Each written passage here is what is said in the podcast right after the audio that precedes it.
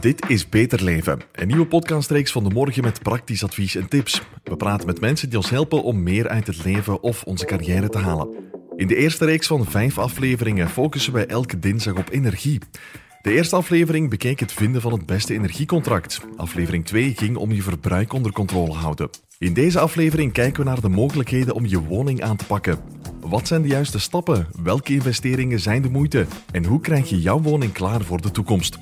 Ik ben Bert van Steenbergen en ik zoek voor jou de antwoorden op de vraag: hoe maak je je woning energie-efficiënt?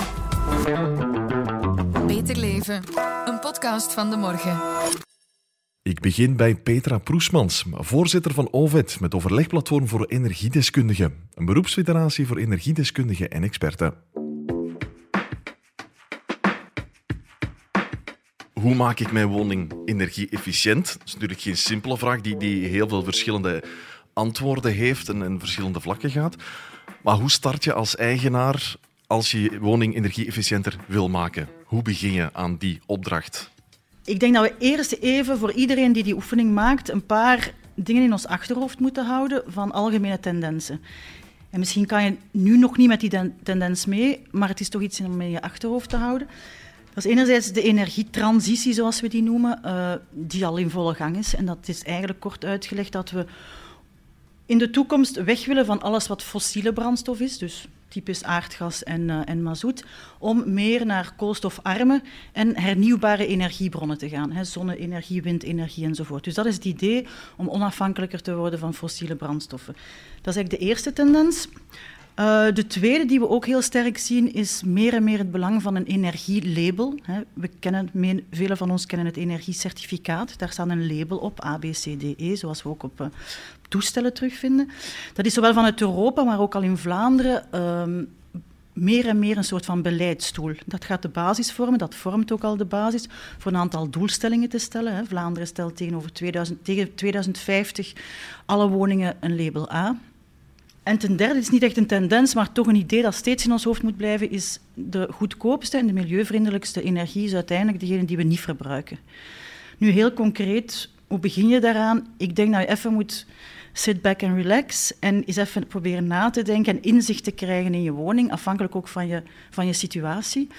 Uh, en als ik zeg inzicht krijgen, is dat waar is mijn energievraag? Waarvoor heb ik in mijn huis en in mijn huishouden, met de setting waarin ik leef, energie nodig? Woon ik in een recent huis? Gaat jouw energievraag misschien meer zijn voor jouw warme douche te pakken dan om je huis warm te krijgen? Heb je pas een huis gekocht dat helemaal niet geïsoleerd is? Ja, dan gaat de grootste brok van energie nodig zijn voor de verwarming van je huis. Dus dat is het eerste waar je eigenlijk een analyse over moet maken. En daar denk ik voor meeste mensen dat je daar toch hulp voor nodig hebt van een professional. Uh, dat kan een uh, energiedeskundige zijn uh, die langskomt. Er zijn tegenwoordig ook heel veel loketten, mensen die jou misschien daarin kunnen helpen. En daar kan het bijvoorbeeld al een eerste stap zijn om te zeggen: ik ga beginnen met een, een energiecertificaat te laten opstellen door een energiedeskundige die gaat dan, maar die het een beetje ruimer neemt, die echt gaat samen met jou zoeken van waar ligt het nu? Is het mijn schil? Bij ons noemen we de schil eigenlijk alles waar de, het dak, de ramen, de, de muren, uw, uw vloer. Ligt het aan, aan mijn systemen? Is mijn, mijn ketel niet meer goed? Uh, enzovoort. Dan heb je enerzijds het voordeel dat je een, een certificaat hebt, dat je al een beetje weet waar sta ik ook ten opzichte van de toekomst. Uh, en kan je later ook als je renovaties doet, de, de verbetering daarvan volgen. En zo'n energiedeskundige kan een stuk verder gaan en samen met jou ook naar jouw gezinssituatie luisteren bijvoorbeeld. Het is een heel andere vraag. Een koppel dat denkt van over vijf jaar gaan we het huis hieruit en willen we gewoon de investering die we nu nog doen, dat het ook opbrengt in de verkoop ten opzichte van mensen die net een huis hebben gekocht en zich daar over 40, 50 jaar nog zien. Het zijn heel andere ideeën, een heel andere vraagstelling. Dus een goede energiedeskundige en bekwame gaat dat ook mee in rekening nemen en kijken wat je moet doen. Dus dan heb je eigenlijk een soort van ja, topo van, van je huis en van waar je... En ik denk dat je dat toch echt moet hebben voordat je concreet aan iets begint. Dus dat is een eerste heel goede en belangrijke stap, van waaruit je dan ook verder begeleid zal of kan worden natuurlijk door verder professionals om dan de stappen te gaan ondernemen. En in die verdere stappen, zijn er dan zaken die je daar wel zelf kan realiseren of ga je best voor elke stap toch wel echt professionele hulp inschakelen? Er zijn een aantal dingen die je echt zelf kan doen. Um, ik denk bijvoorbeeld als je samen na dit overleg met een, met een deskundige bijvoorbeeld kijkt van kijk, mijn dak is helemaal niet geïsoleerd. Of uh, ik zou bijvoorbeeld mijn vloer van mijn zolder, als ik mijn zolder niet gebruik bijvoorbeeld, zou ik mijn zolder kunnen isoleren. Dat is voor een aantal mensen die handig zijn en die dat graag doen, is dat iets dat je denk ik echt wel zelf kan doen. Je kan dan samen met die energiedeskundige wel kijken van kijk, ik, ik denk het zo te doen, is dat voldoende? Want ik denk wel als je iets doet, probeer het dan ook volgens de normen van vandaag te doen. Het heeft weinig zin of ik vind het heel veel moeite om bijvoorbeeld 10 centimeter bijvoorbeeld op een, op een dakisolatie, dat is, dat is een beetje te weinig vandaag. Dus als je iets doet, probeer het dan voor de toekomst te doen. want ook als je daar het maar voor een deeltje doet, om het zo te zeggen, over 10, 20 jaar, als het je plan is om daar te blijven wonen, gaat het toch weer onvermijdelijk een probleem worden. Ja, inderdaad. Dus ik denk dat dat er zijn een aantal dingen die je zelf kan doen. Bijvoorbeeld als je zegt, ik wil gewoon mijn ramen, ik weet dat mijn ramen ofwel enkelglas zijn of, of dubbele beglazing van de jaren 80. Ja, dat is ondertussen 40 jaar oud, daar denken we soms niet bij na, mensen van mijn leeftijd. Uh, maar dat is al heel oud. Dus als je denkt, ik ga gewoon mijn ramen, ik ga een ramenleverancier en ik vraag om een, een, een offerte en ik, ik kan dat betalen. Ik heb daar geen bouwvergunning voor nodig, want dat is gewoon identieke vervanging. Uh, dat kan je eigenlijk zelf doen, maar daar moet je het ook af en toe nadenken. Ik zou zelfs dan toch altijd even een energiedeskundige, want dan is de vraag, waar ga ik mijn ramen plaatsen? Denk ik over tien jaar toch mijn buitengevel te isoleren? Ga je die misschien op een andere hoogte plaatsen of een andere diepte in je muur? dan dat je het nu zou doen. Dus er zijn wel een aantal dingen waar je toch best op voorhand uh, ja, met iemand die er iets over weet. Dat kan ook een vriend of een vriendin zijn die er in, in de branche zit.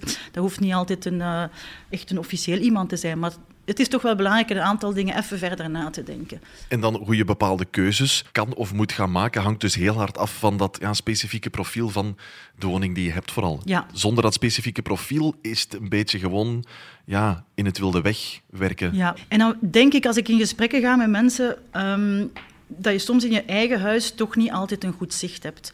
Ehm, bijvoorbeeld ook mensen kopen een huis um, en ze willen nu verbeteren, ze vragen mijn advies en dan zeggen ze, ja, maar tak is al geïsoleerd en ik heb al dubbele beglazing. En dan ga je kijken in de dubbele beglazing van het jaar 96, dat is ondertussen ook al heel wat jaar geleden. Mhm.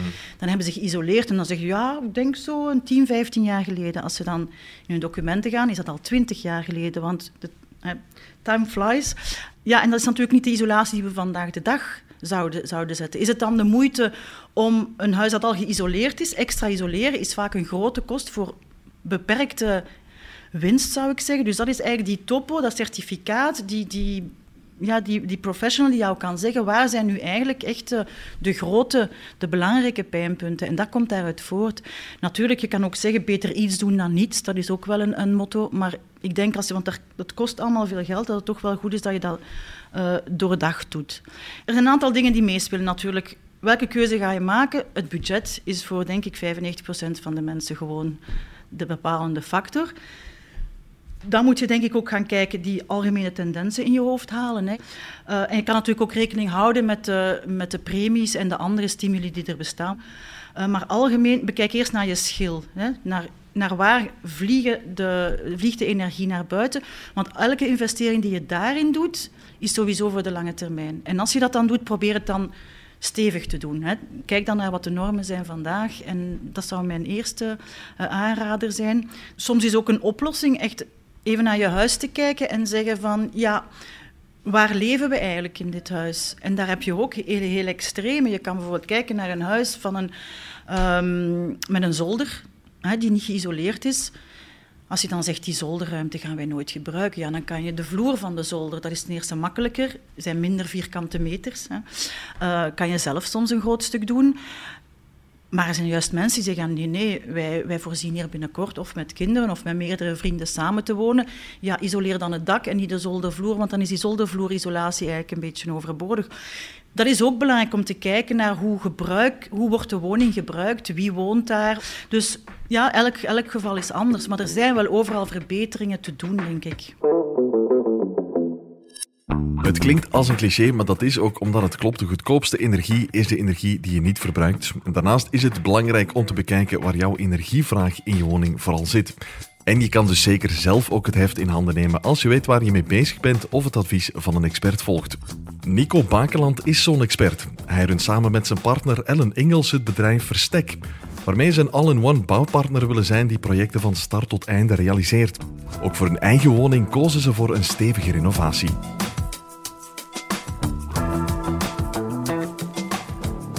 Wij hebben die woning zeven jaar geleden gekocht, dus een burgerwoning. We waren specifiek op zoek naar een pand waarin dat wij als architecten volledig ons ding konden doen. Um, dus dat resulteert ook in een, in een staat die al wat erbarmelijker is. Eigenlijk, uh, bij voorkeur wouden wij iets dat we volledig konden gutten um, om een nieuwe achterbouw te plaatsen. Dus dat hebben we ook gezocht, gevonden. Uh, woning gekocht van een dame die dement was geworden, die daar al heel haar leven had gewoond. En dat was een woning waar dat er nog een pomp stond. Uh, geen stromend water, geen achterbouw. Ja, eigenlijk alles op het gelijkvloers voorzien. De kamers werden niet gebruikt boven. En eigenlijk was dat een woning, ja, noem dat kaas met gaten.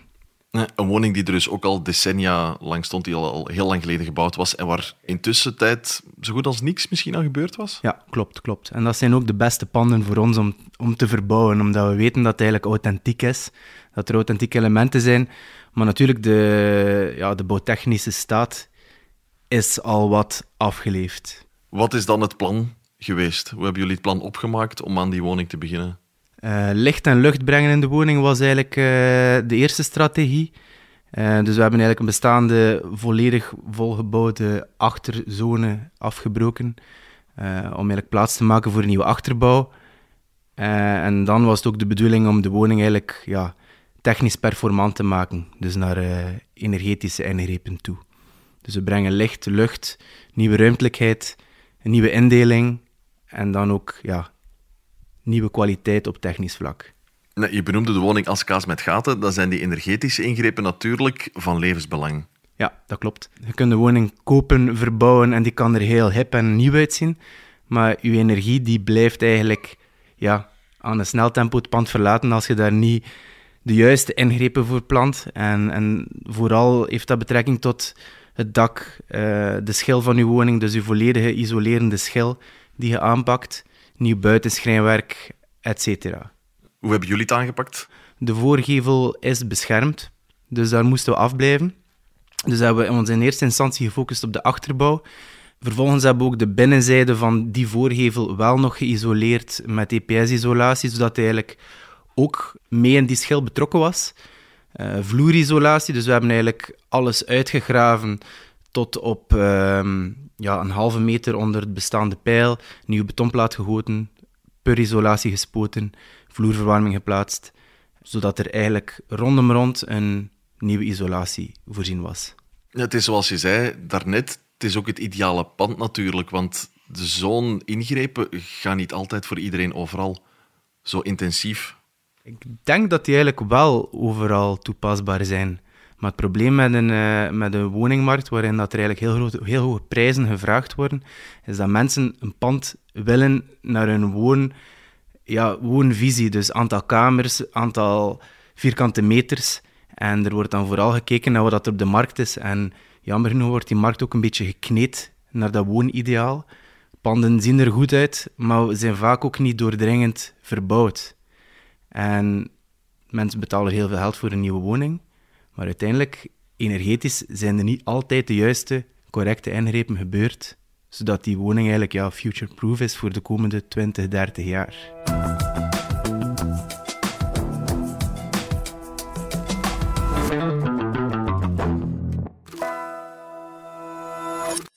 Mevrouw Proesmans, ik heb ook enkele vragen van lezers over hun woning. Dit is de vraag van Eefje van Hemelrijk uit Merelbeke. Drie jaar geleden kocht ik met mijn man een volledig gerenoveerd huis, maar wij verwarmen op gas en hebben geen vloerverwarming. Ik begrijp dat het op termijn beter zou zijn om af te stappen van gasverwarming, maar hoe kan je dit betaalbaar en zonder grote renovaties zoals het openbreken van muren, vloeren en zo verder doen in een bestaande woning in goede staat en welke opties om te verwarmen zijn er dan? Het is een heel concrete vraag die tegelijk ook heel breed gaat in een aantal subvragen natuurlijk. Ja. um, Het goede is bij hen al dat ze een volledig gerenoveerd huis hebben. Dus um, als het dan ook wil zeggen dat dat naar isolatie gerenoveerd is, um, dan als we ervan uitgaan dat het huis goed geïsoleerd is en inderdaad willen kijken naar een andere opwekker, zoals we dat noemen, opwekker van, van de warmte, dan zouden ze kunnen kijken hoe kunnen we afstappen van gas, want we gaan sowieso weg, weggaan uh, van, van alles wat met uh, aardgas te maken heeft.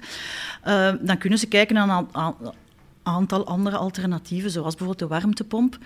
Um, maar daar moeten we ook bij vermelden, zoals ze zelf ook zegt, we hebben geen vloerverwarming. Een warmtepomp is typisch een systeem dat goed werkt als we ons huis kunnen verwarmen op lage temperatuur. Dat wil zeggen dat we een circuit van water hebben dat door een vloerverwarming of door radiatoren gaat.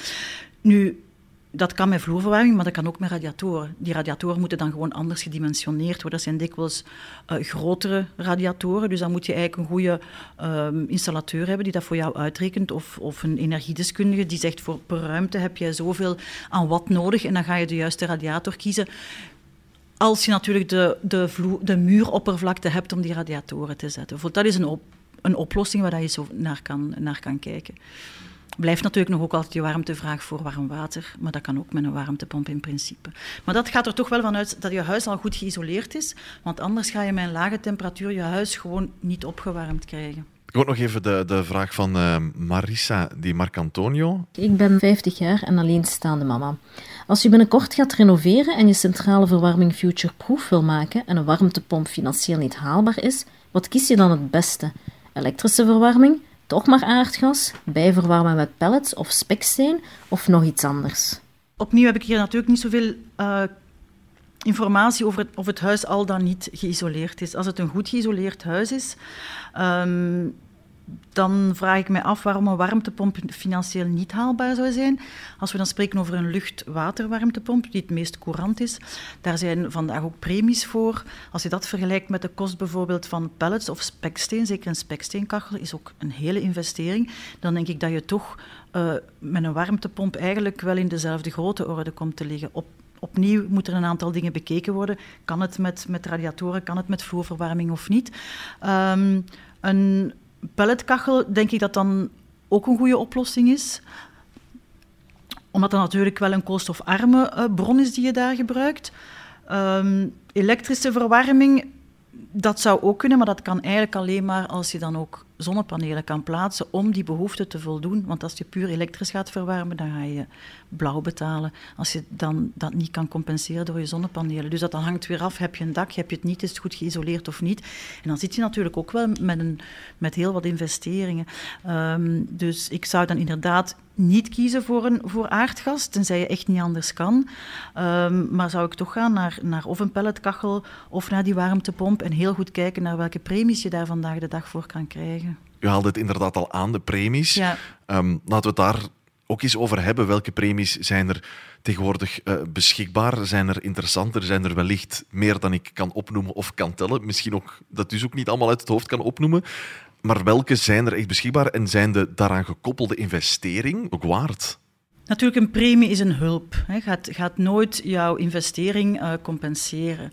Um, maar er is in Vlaanderen is er de laatste jaren wel heel erg ingezet op grondige renovaties. Dus als je echt het budget hebt en het project wil aangaan voor wat wij een ingrijpende energetische renovatie noemen, dus dat is echt een verregaande renovatie, dan zijn er toch een aantal heel uh, interessante... Um, dat is dan geen premie, maar stimuli.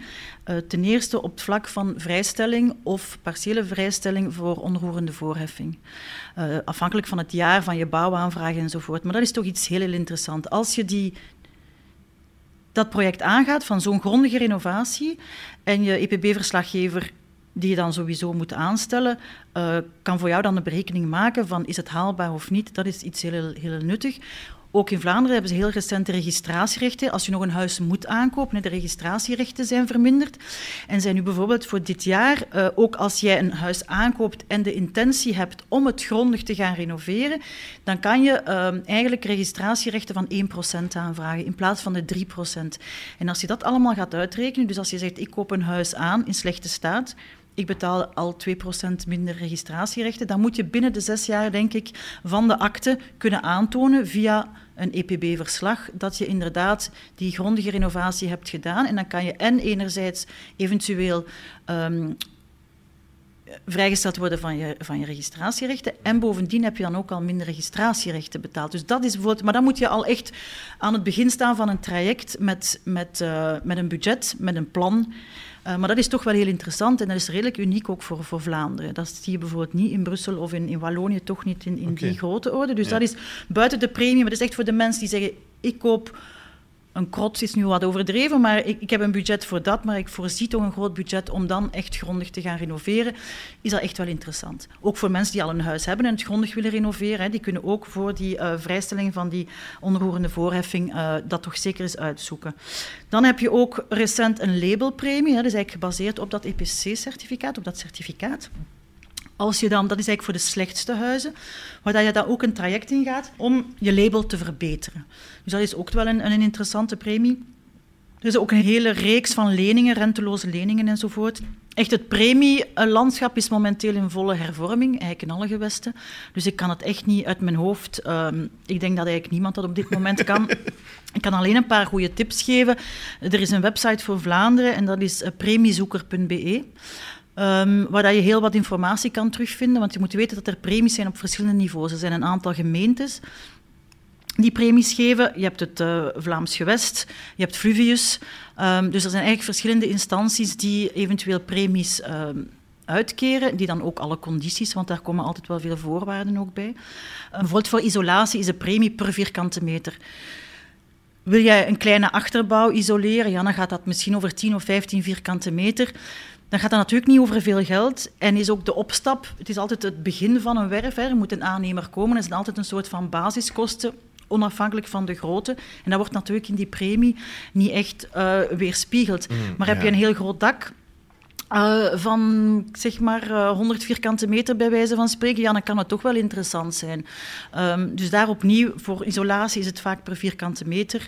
Voor installaties, voor warmtepompen is, zijn het, is het vaak een, um, in functie een percentage van de factuur tot, tot, tot een bepaalde maximum percentage van de factuur. Vroeger gingen studenten samenwonen en ene keer dat ze geen student meer waren, gingen iedereen apart wonen. Nu zie je wel dat mensen langer samen blijven wonen en dat is eigenlijk ook een heel energiezuinige manier van dingen te delen. Een beetje de deeleconomie zoals we zien in de, in de auto's, maar ook dat kan ook zijn door, door een stuk samen te wonen, in welke vorm dan ook. Maar dat is gewoon bouwkundig dikwijls heel moeilijk. Hè. Ik zie dat met projecten, zeker in Brussel, mensen die zo co-housing willen een huis renoveren, dat is vaak heel, heel moeilijk. Heel veel gemeentes doen daar moeilijk over. Het is een beetje jammer en ik hoop dat, dat dat in de toekomst nog meer... Niet dat iedereen dat moet gaan doen, maar als je dat wel graag wil doen, dat dat, dat, dat wel kan. Hè? Dat dat organisatorisch en naar bouwvergunningen en zo mogelijk is. Dat vind ik wel iets wat ik heel weinig nu in de wetgeving zie. Er zijn te veel premies om op te noemen, maar je kan met de juiste dus wel je voordeel doen en een kleine hulp vinden voor je investering. Nico kijkt terug op hun renovatie als de creatie van hun woning, maar ook als een persoonlijk traject. Dit project was nu ook een eigen verbouwproject. Dus eigenlijk ook voor ons persoonlijke leerschool. Dus we hebben ook alles zelf willen doen om, om de hele bouwstijl van A tot Z ook zelf onder de knie te krijgen. Uh, want als architecten zijn we wel ruimtelijk en technisch geschoold, maar het is nog altijd een groot verschil om, om zaken zelf te leren opbouwen. Op die manier zijn wij aan de slag gegaan.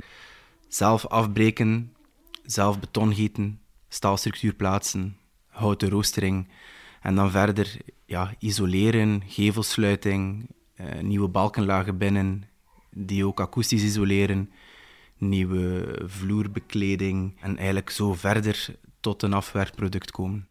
Nee, dus in jullie project is het heel ver gegaan, echt gestript tot op het punt dat er bijna niks meer van overbleef, om het zo te zeggen.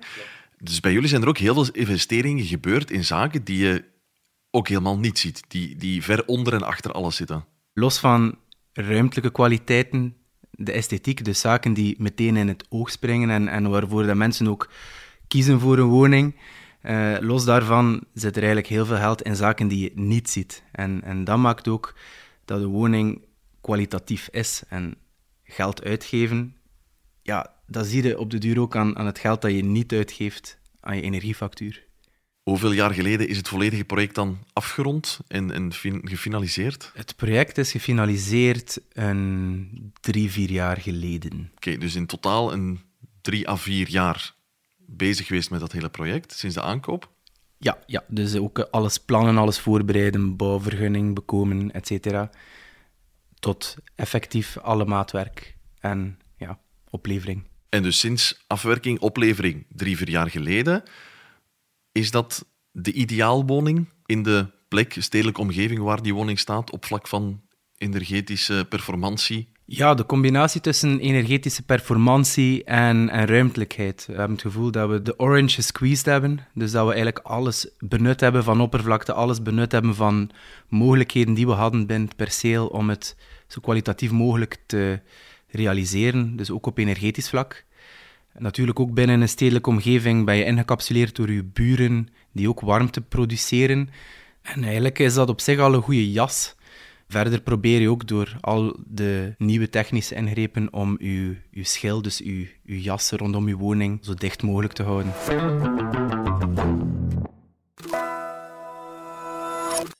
Als we even verder in de toekomst gaan kijken, 10, 20, 30 jaar, Ja. ehm, welke structurele veranderingen of zaken zijn op termijn sowieso verplicht waar je eigenlijk nu al beter over nadenkt met een huis dat je op termijn sowieso ja, nog aanpassingen gaat moeten doen? We gaan weg van fossiele brandstoffen. Dat, is, ja, dat staat buiten kijf eigenlijk. Eh, dus elke keuze die je daarin kan maken richting die hernieuwbare of koolstofarme bronnen eh, is een goede keuze. Ehm, dat is één. Ten tweede, dan specifiek voor Vlaanderen bijvoorbeeld, eh, zit de renovatieplicht eraan te komen voor mensen die een huis kopen. Er werd ook al gesproken van al mensen die al eigenaar zijn, maar dat is nog een beetje te verre toekomst. Maar het is toch eigenlijk al concreet dat van 2023, als je een huis koopt, dat je binnen de vijf jaar tot een bepaald label moet geraken. Dus ook heel belangrijk bij, bij het nadenken van de aankoop van een huis. In parallel heeft natuurlijk de Vlaamse regering daar dan al die registratierechten verlaagd en die optie hè, om, als je dan een grondig gaat renoveren, om je daar toch al een stukje bij te helpen. Ehm, dat is zeker ook iets dat eh, in Vlaanderen van toepassing gaat zijn. We weten ook dat zowel op Europees niveau als als in alle gewesten men voorziet om een label A te hebben voor alle woningen tegen 2050. Dat lijkt ver, maar dat komt er natuurlijk ook snel aan. Als we nu denken, het is 2022, 1990 voelt als 20 Ja, jaar ja, geleden bij zo'n spreken. Dus 2050 komt er inderdaad sneller aan eh, dan, we sowieso altijd inschatten. Ja, dus dat zijn de grote tendensen. En ik denk dat we allemaal weten, de laatste, laatste jaar met de energieprijzen eh, die de hoogte in gaan, dat kunnen we natuurlijk niet voorspellen op welk plateau, als die al een plateau gaan kennen. Maar daar gaat ook heel veel fluctuaties en dat gaat toch een stijgende fluctuatie zijn. Dus ehm, ja, alles waarbij we minder energie kunnen, eh, kunnen verbruiken door beter te isoleren, door de juiste keuze van installaties, eh, is een goede keuze. Hoe maak je je woning energie-efficiënt? De eerste stap is je woning grondig analyseren. Bekijken waar de energievraag in je woning zit en in samenwerking met een expert verdere stappen ondernemen. De schil van je woning is van onschatbare waarde. En als je investeert in je woning, kijk dan naar de lange termijn. Anders loop je in de nabije toekomst onvermijdelijk opnieuw achter de feiten aan. In de volgende aflevering van deze podcast zoek ik uit of zonnepanelen nog een interessante investering zijn. Wil je graag nog informatie en inspiratie om meer uit het leven of je carrière te halen? Schrijf je dan in voor de nieuwsbrief met Beter Leven artikels op demorgen.be slash beterleven. Dit was Beter Leven, een podcast van de morgen.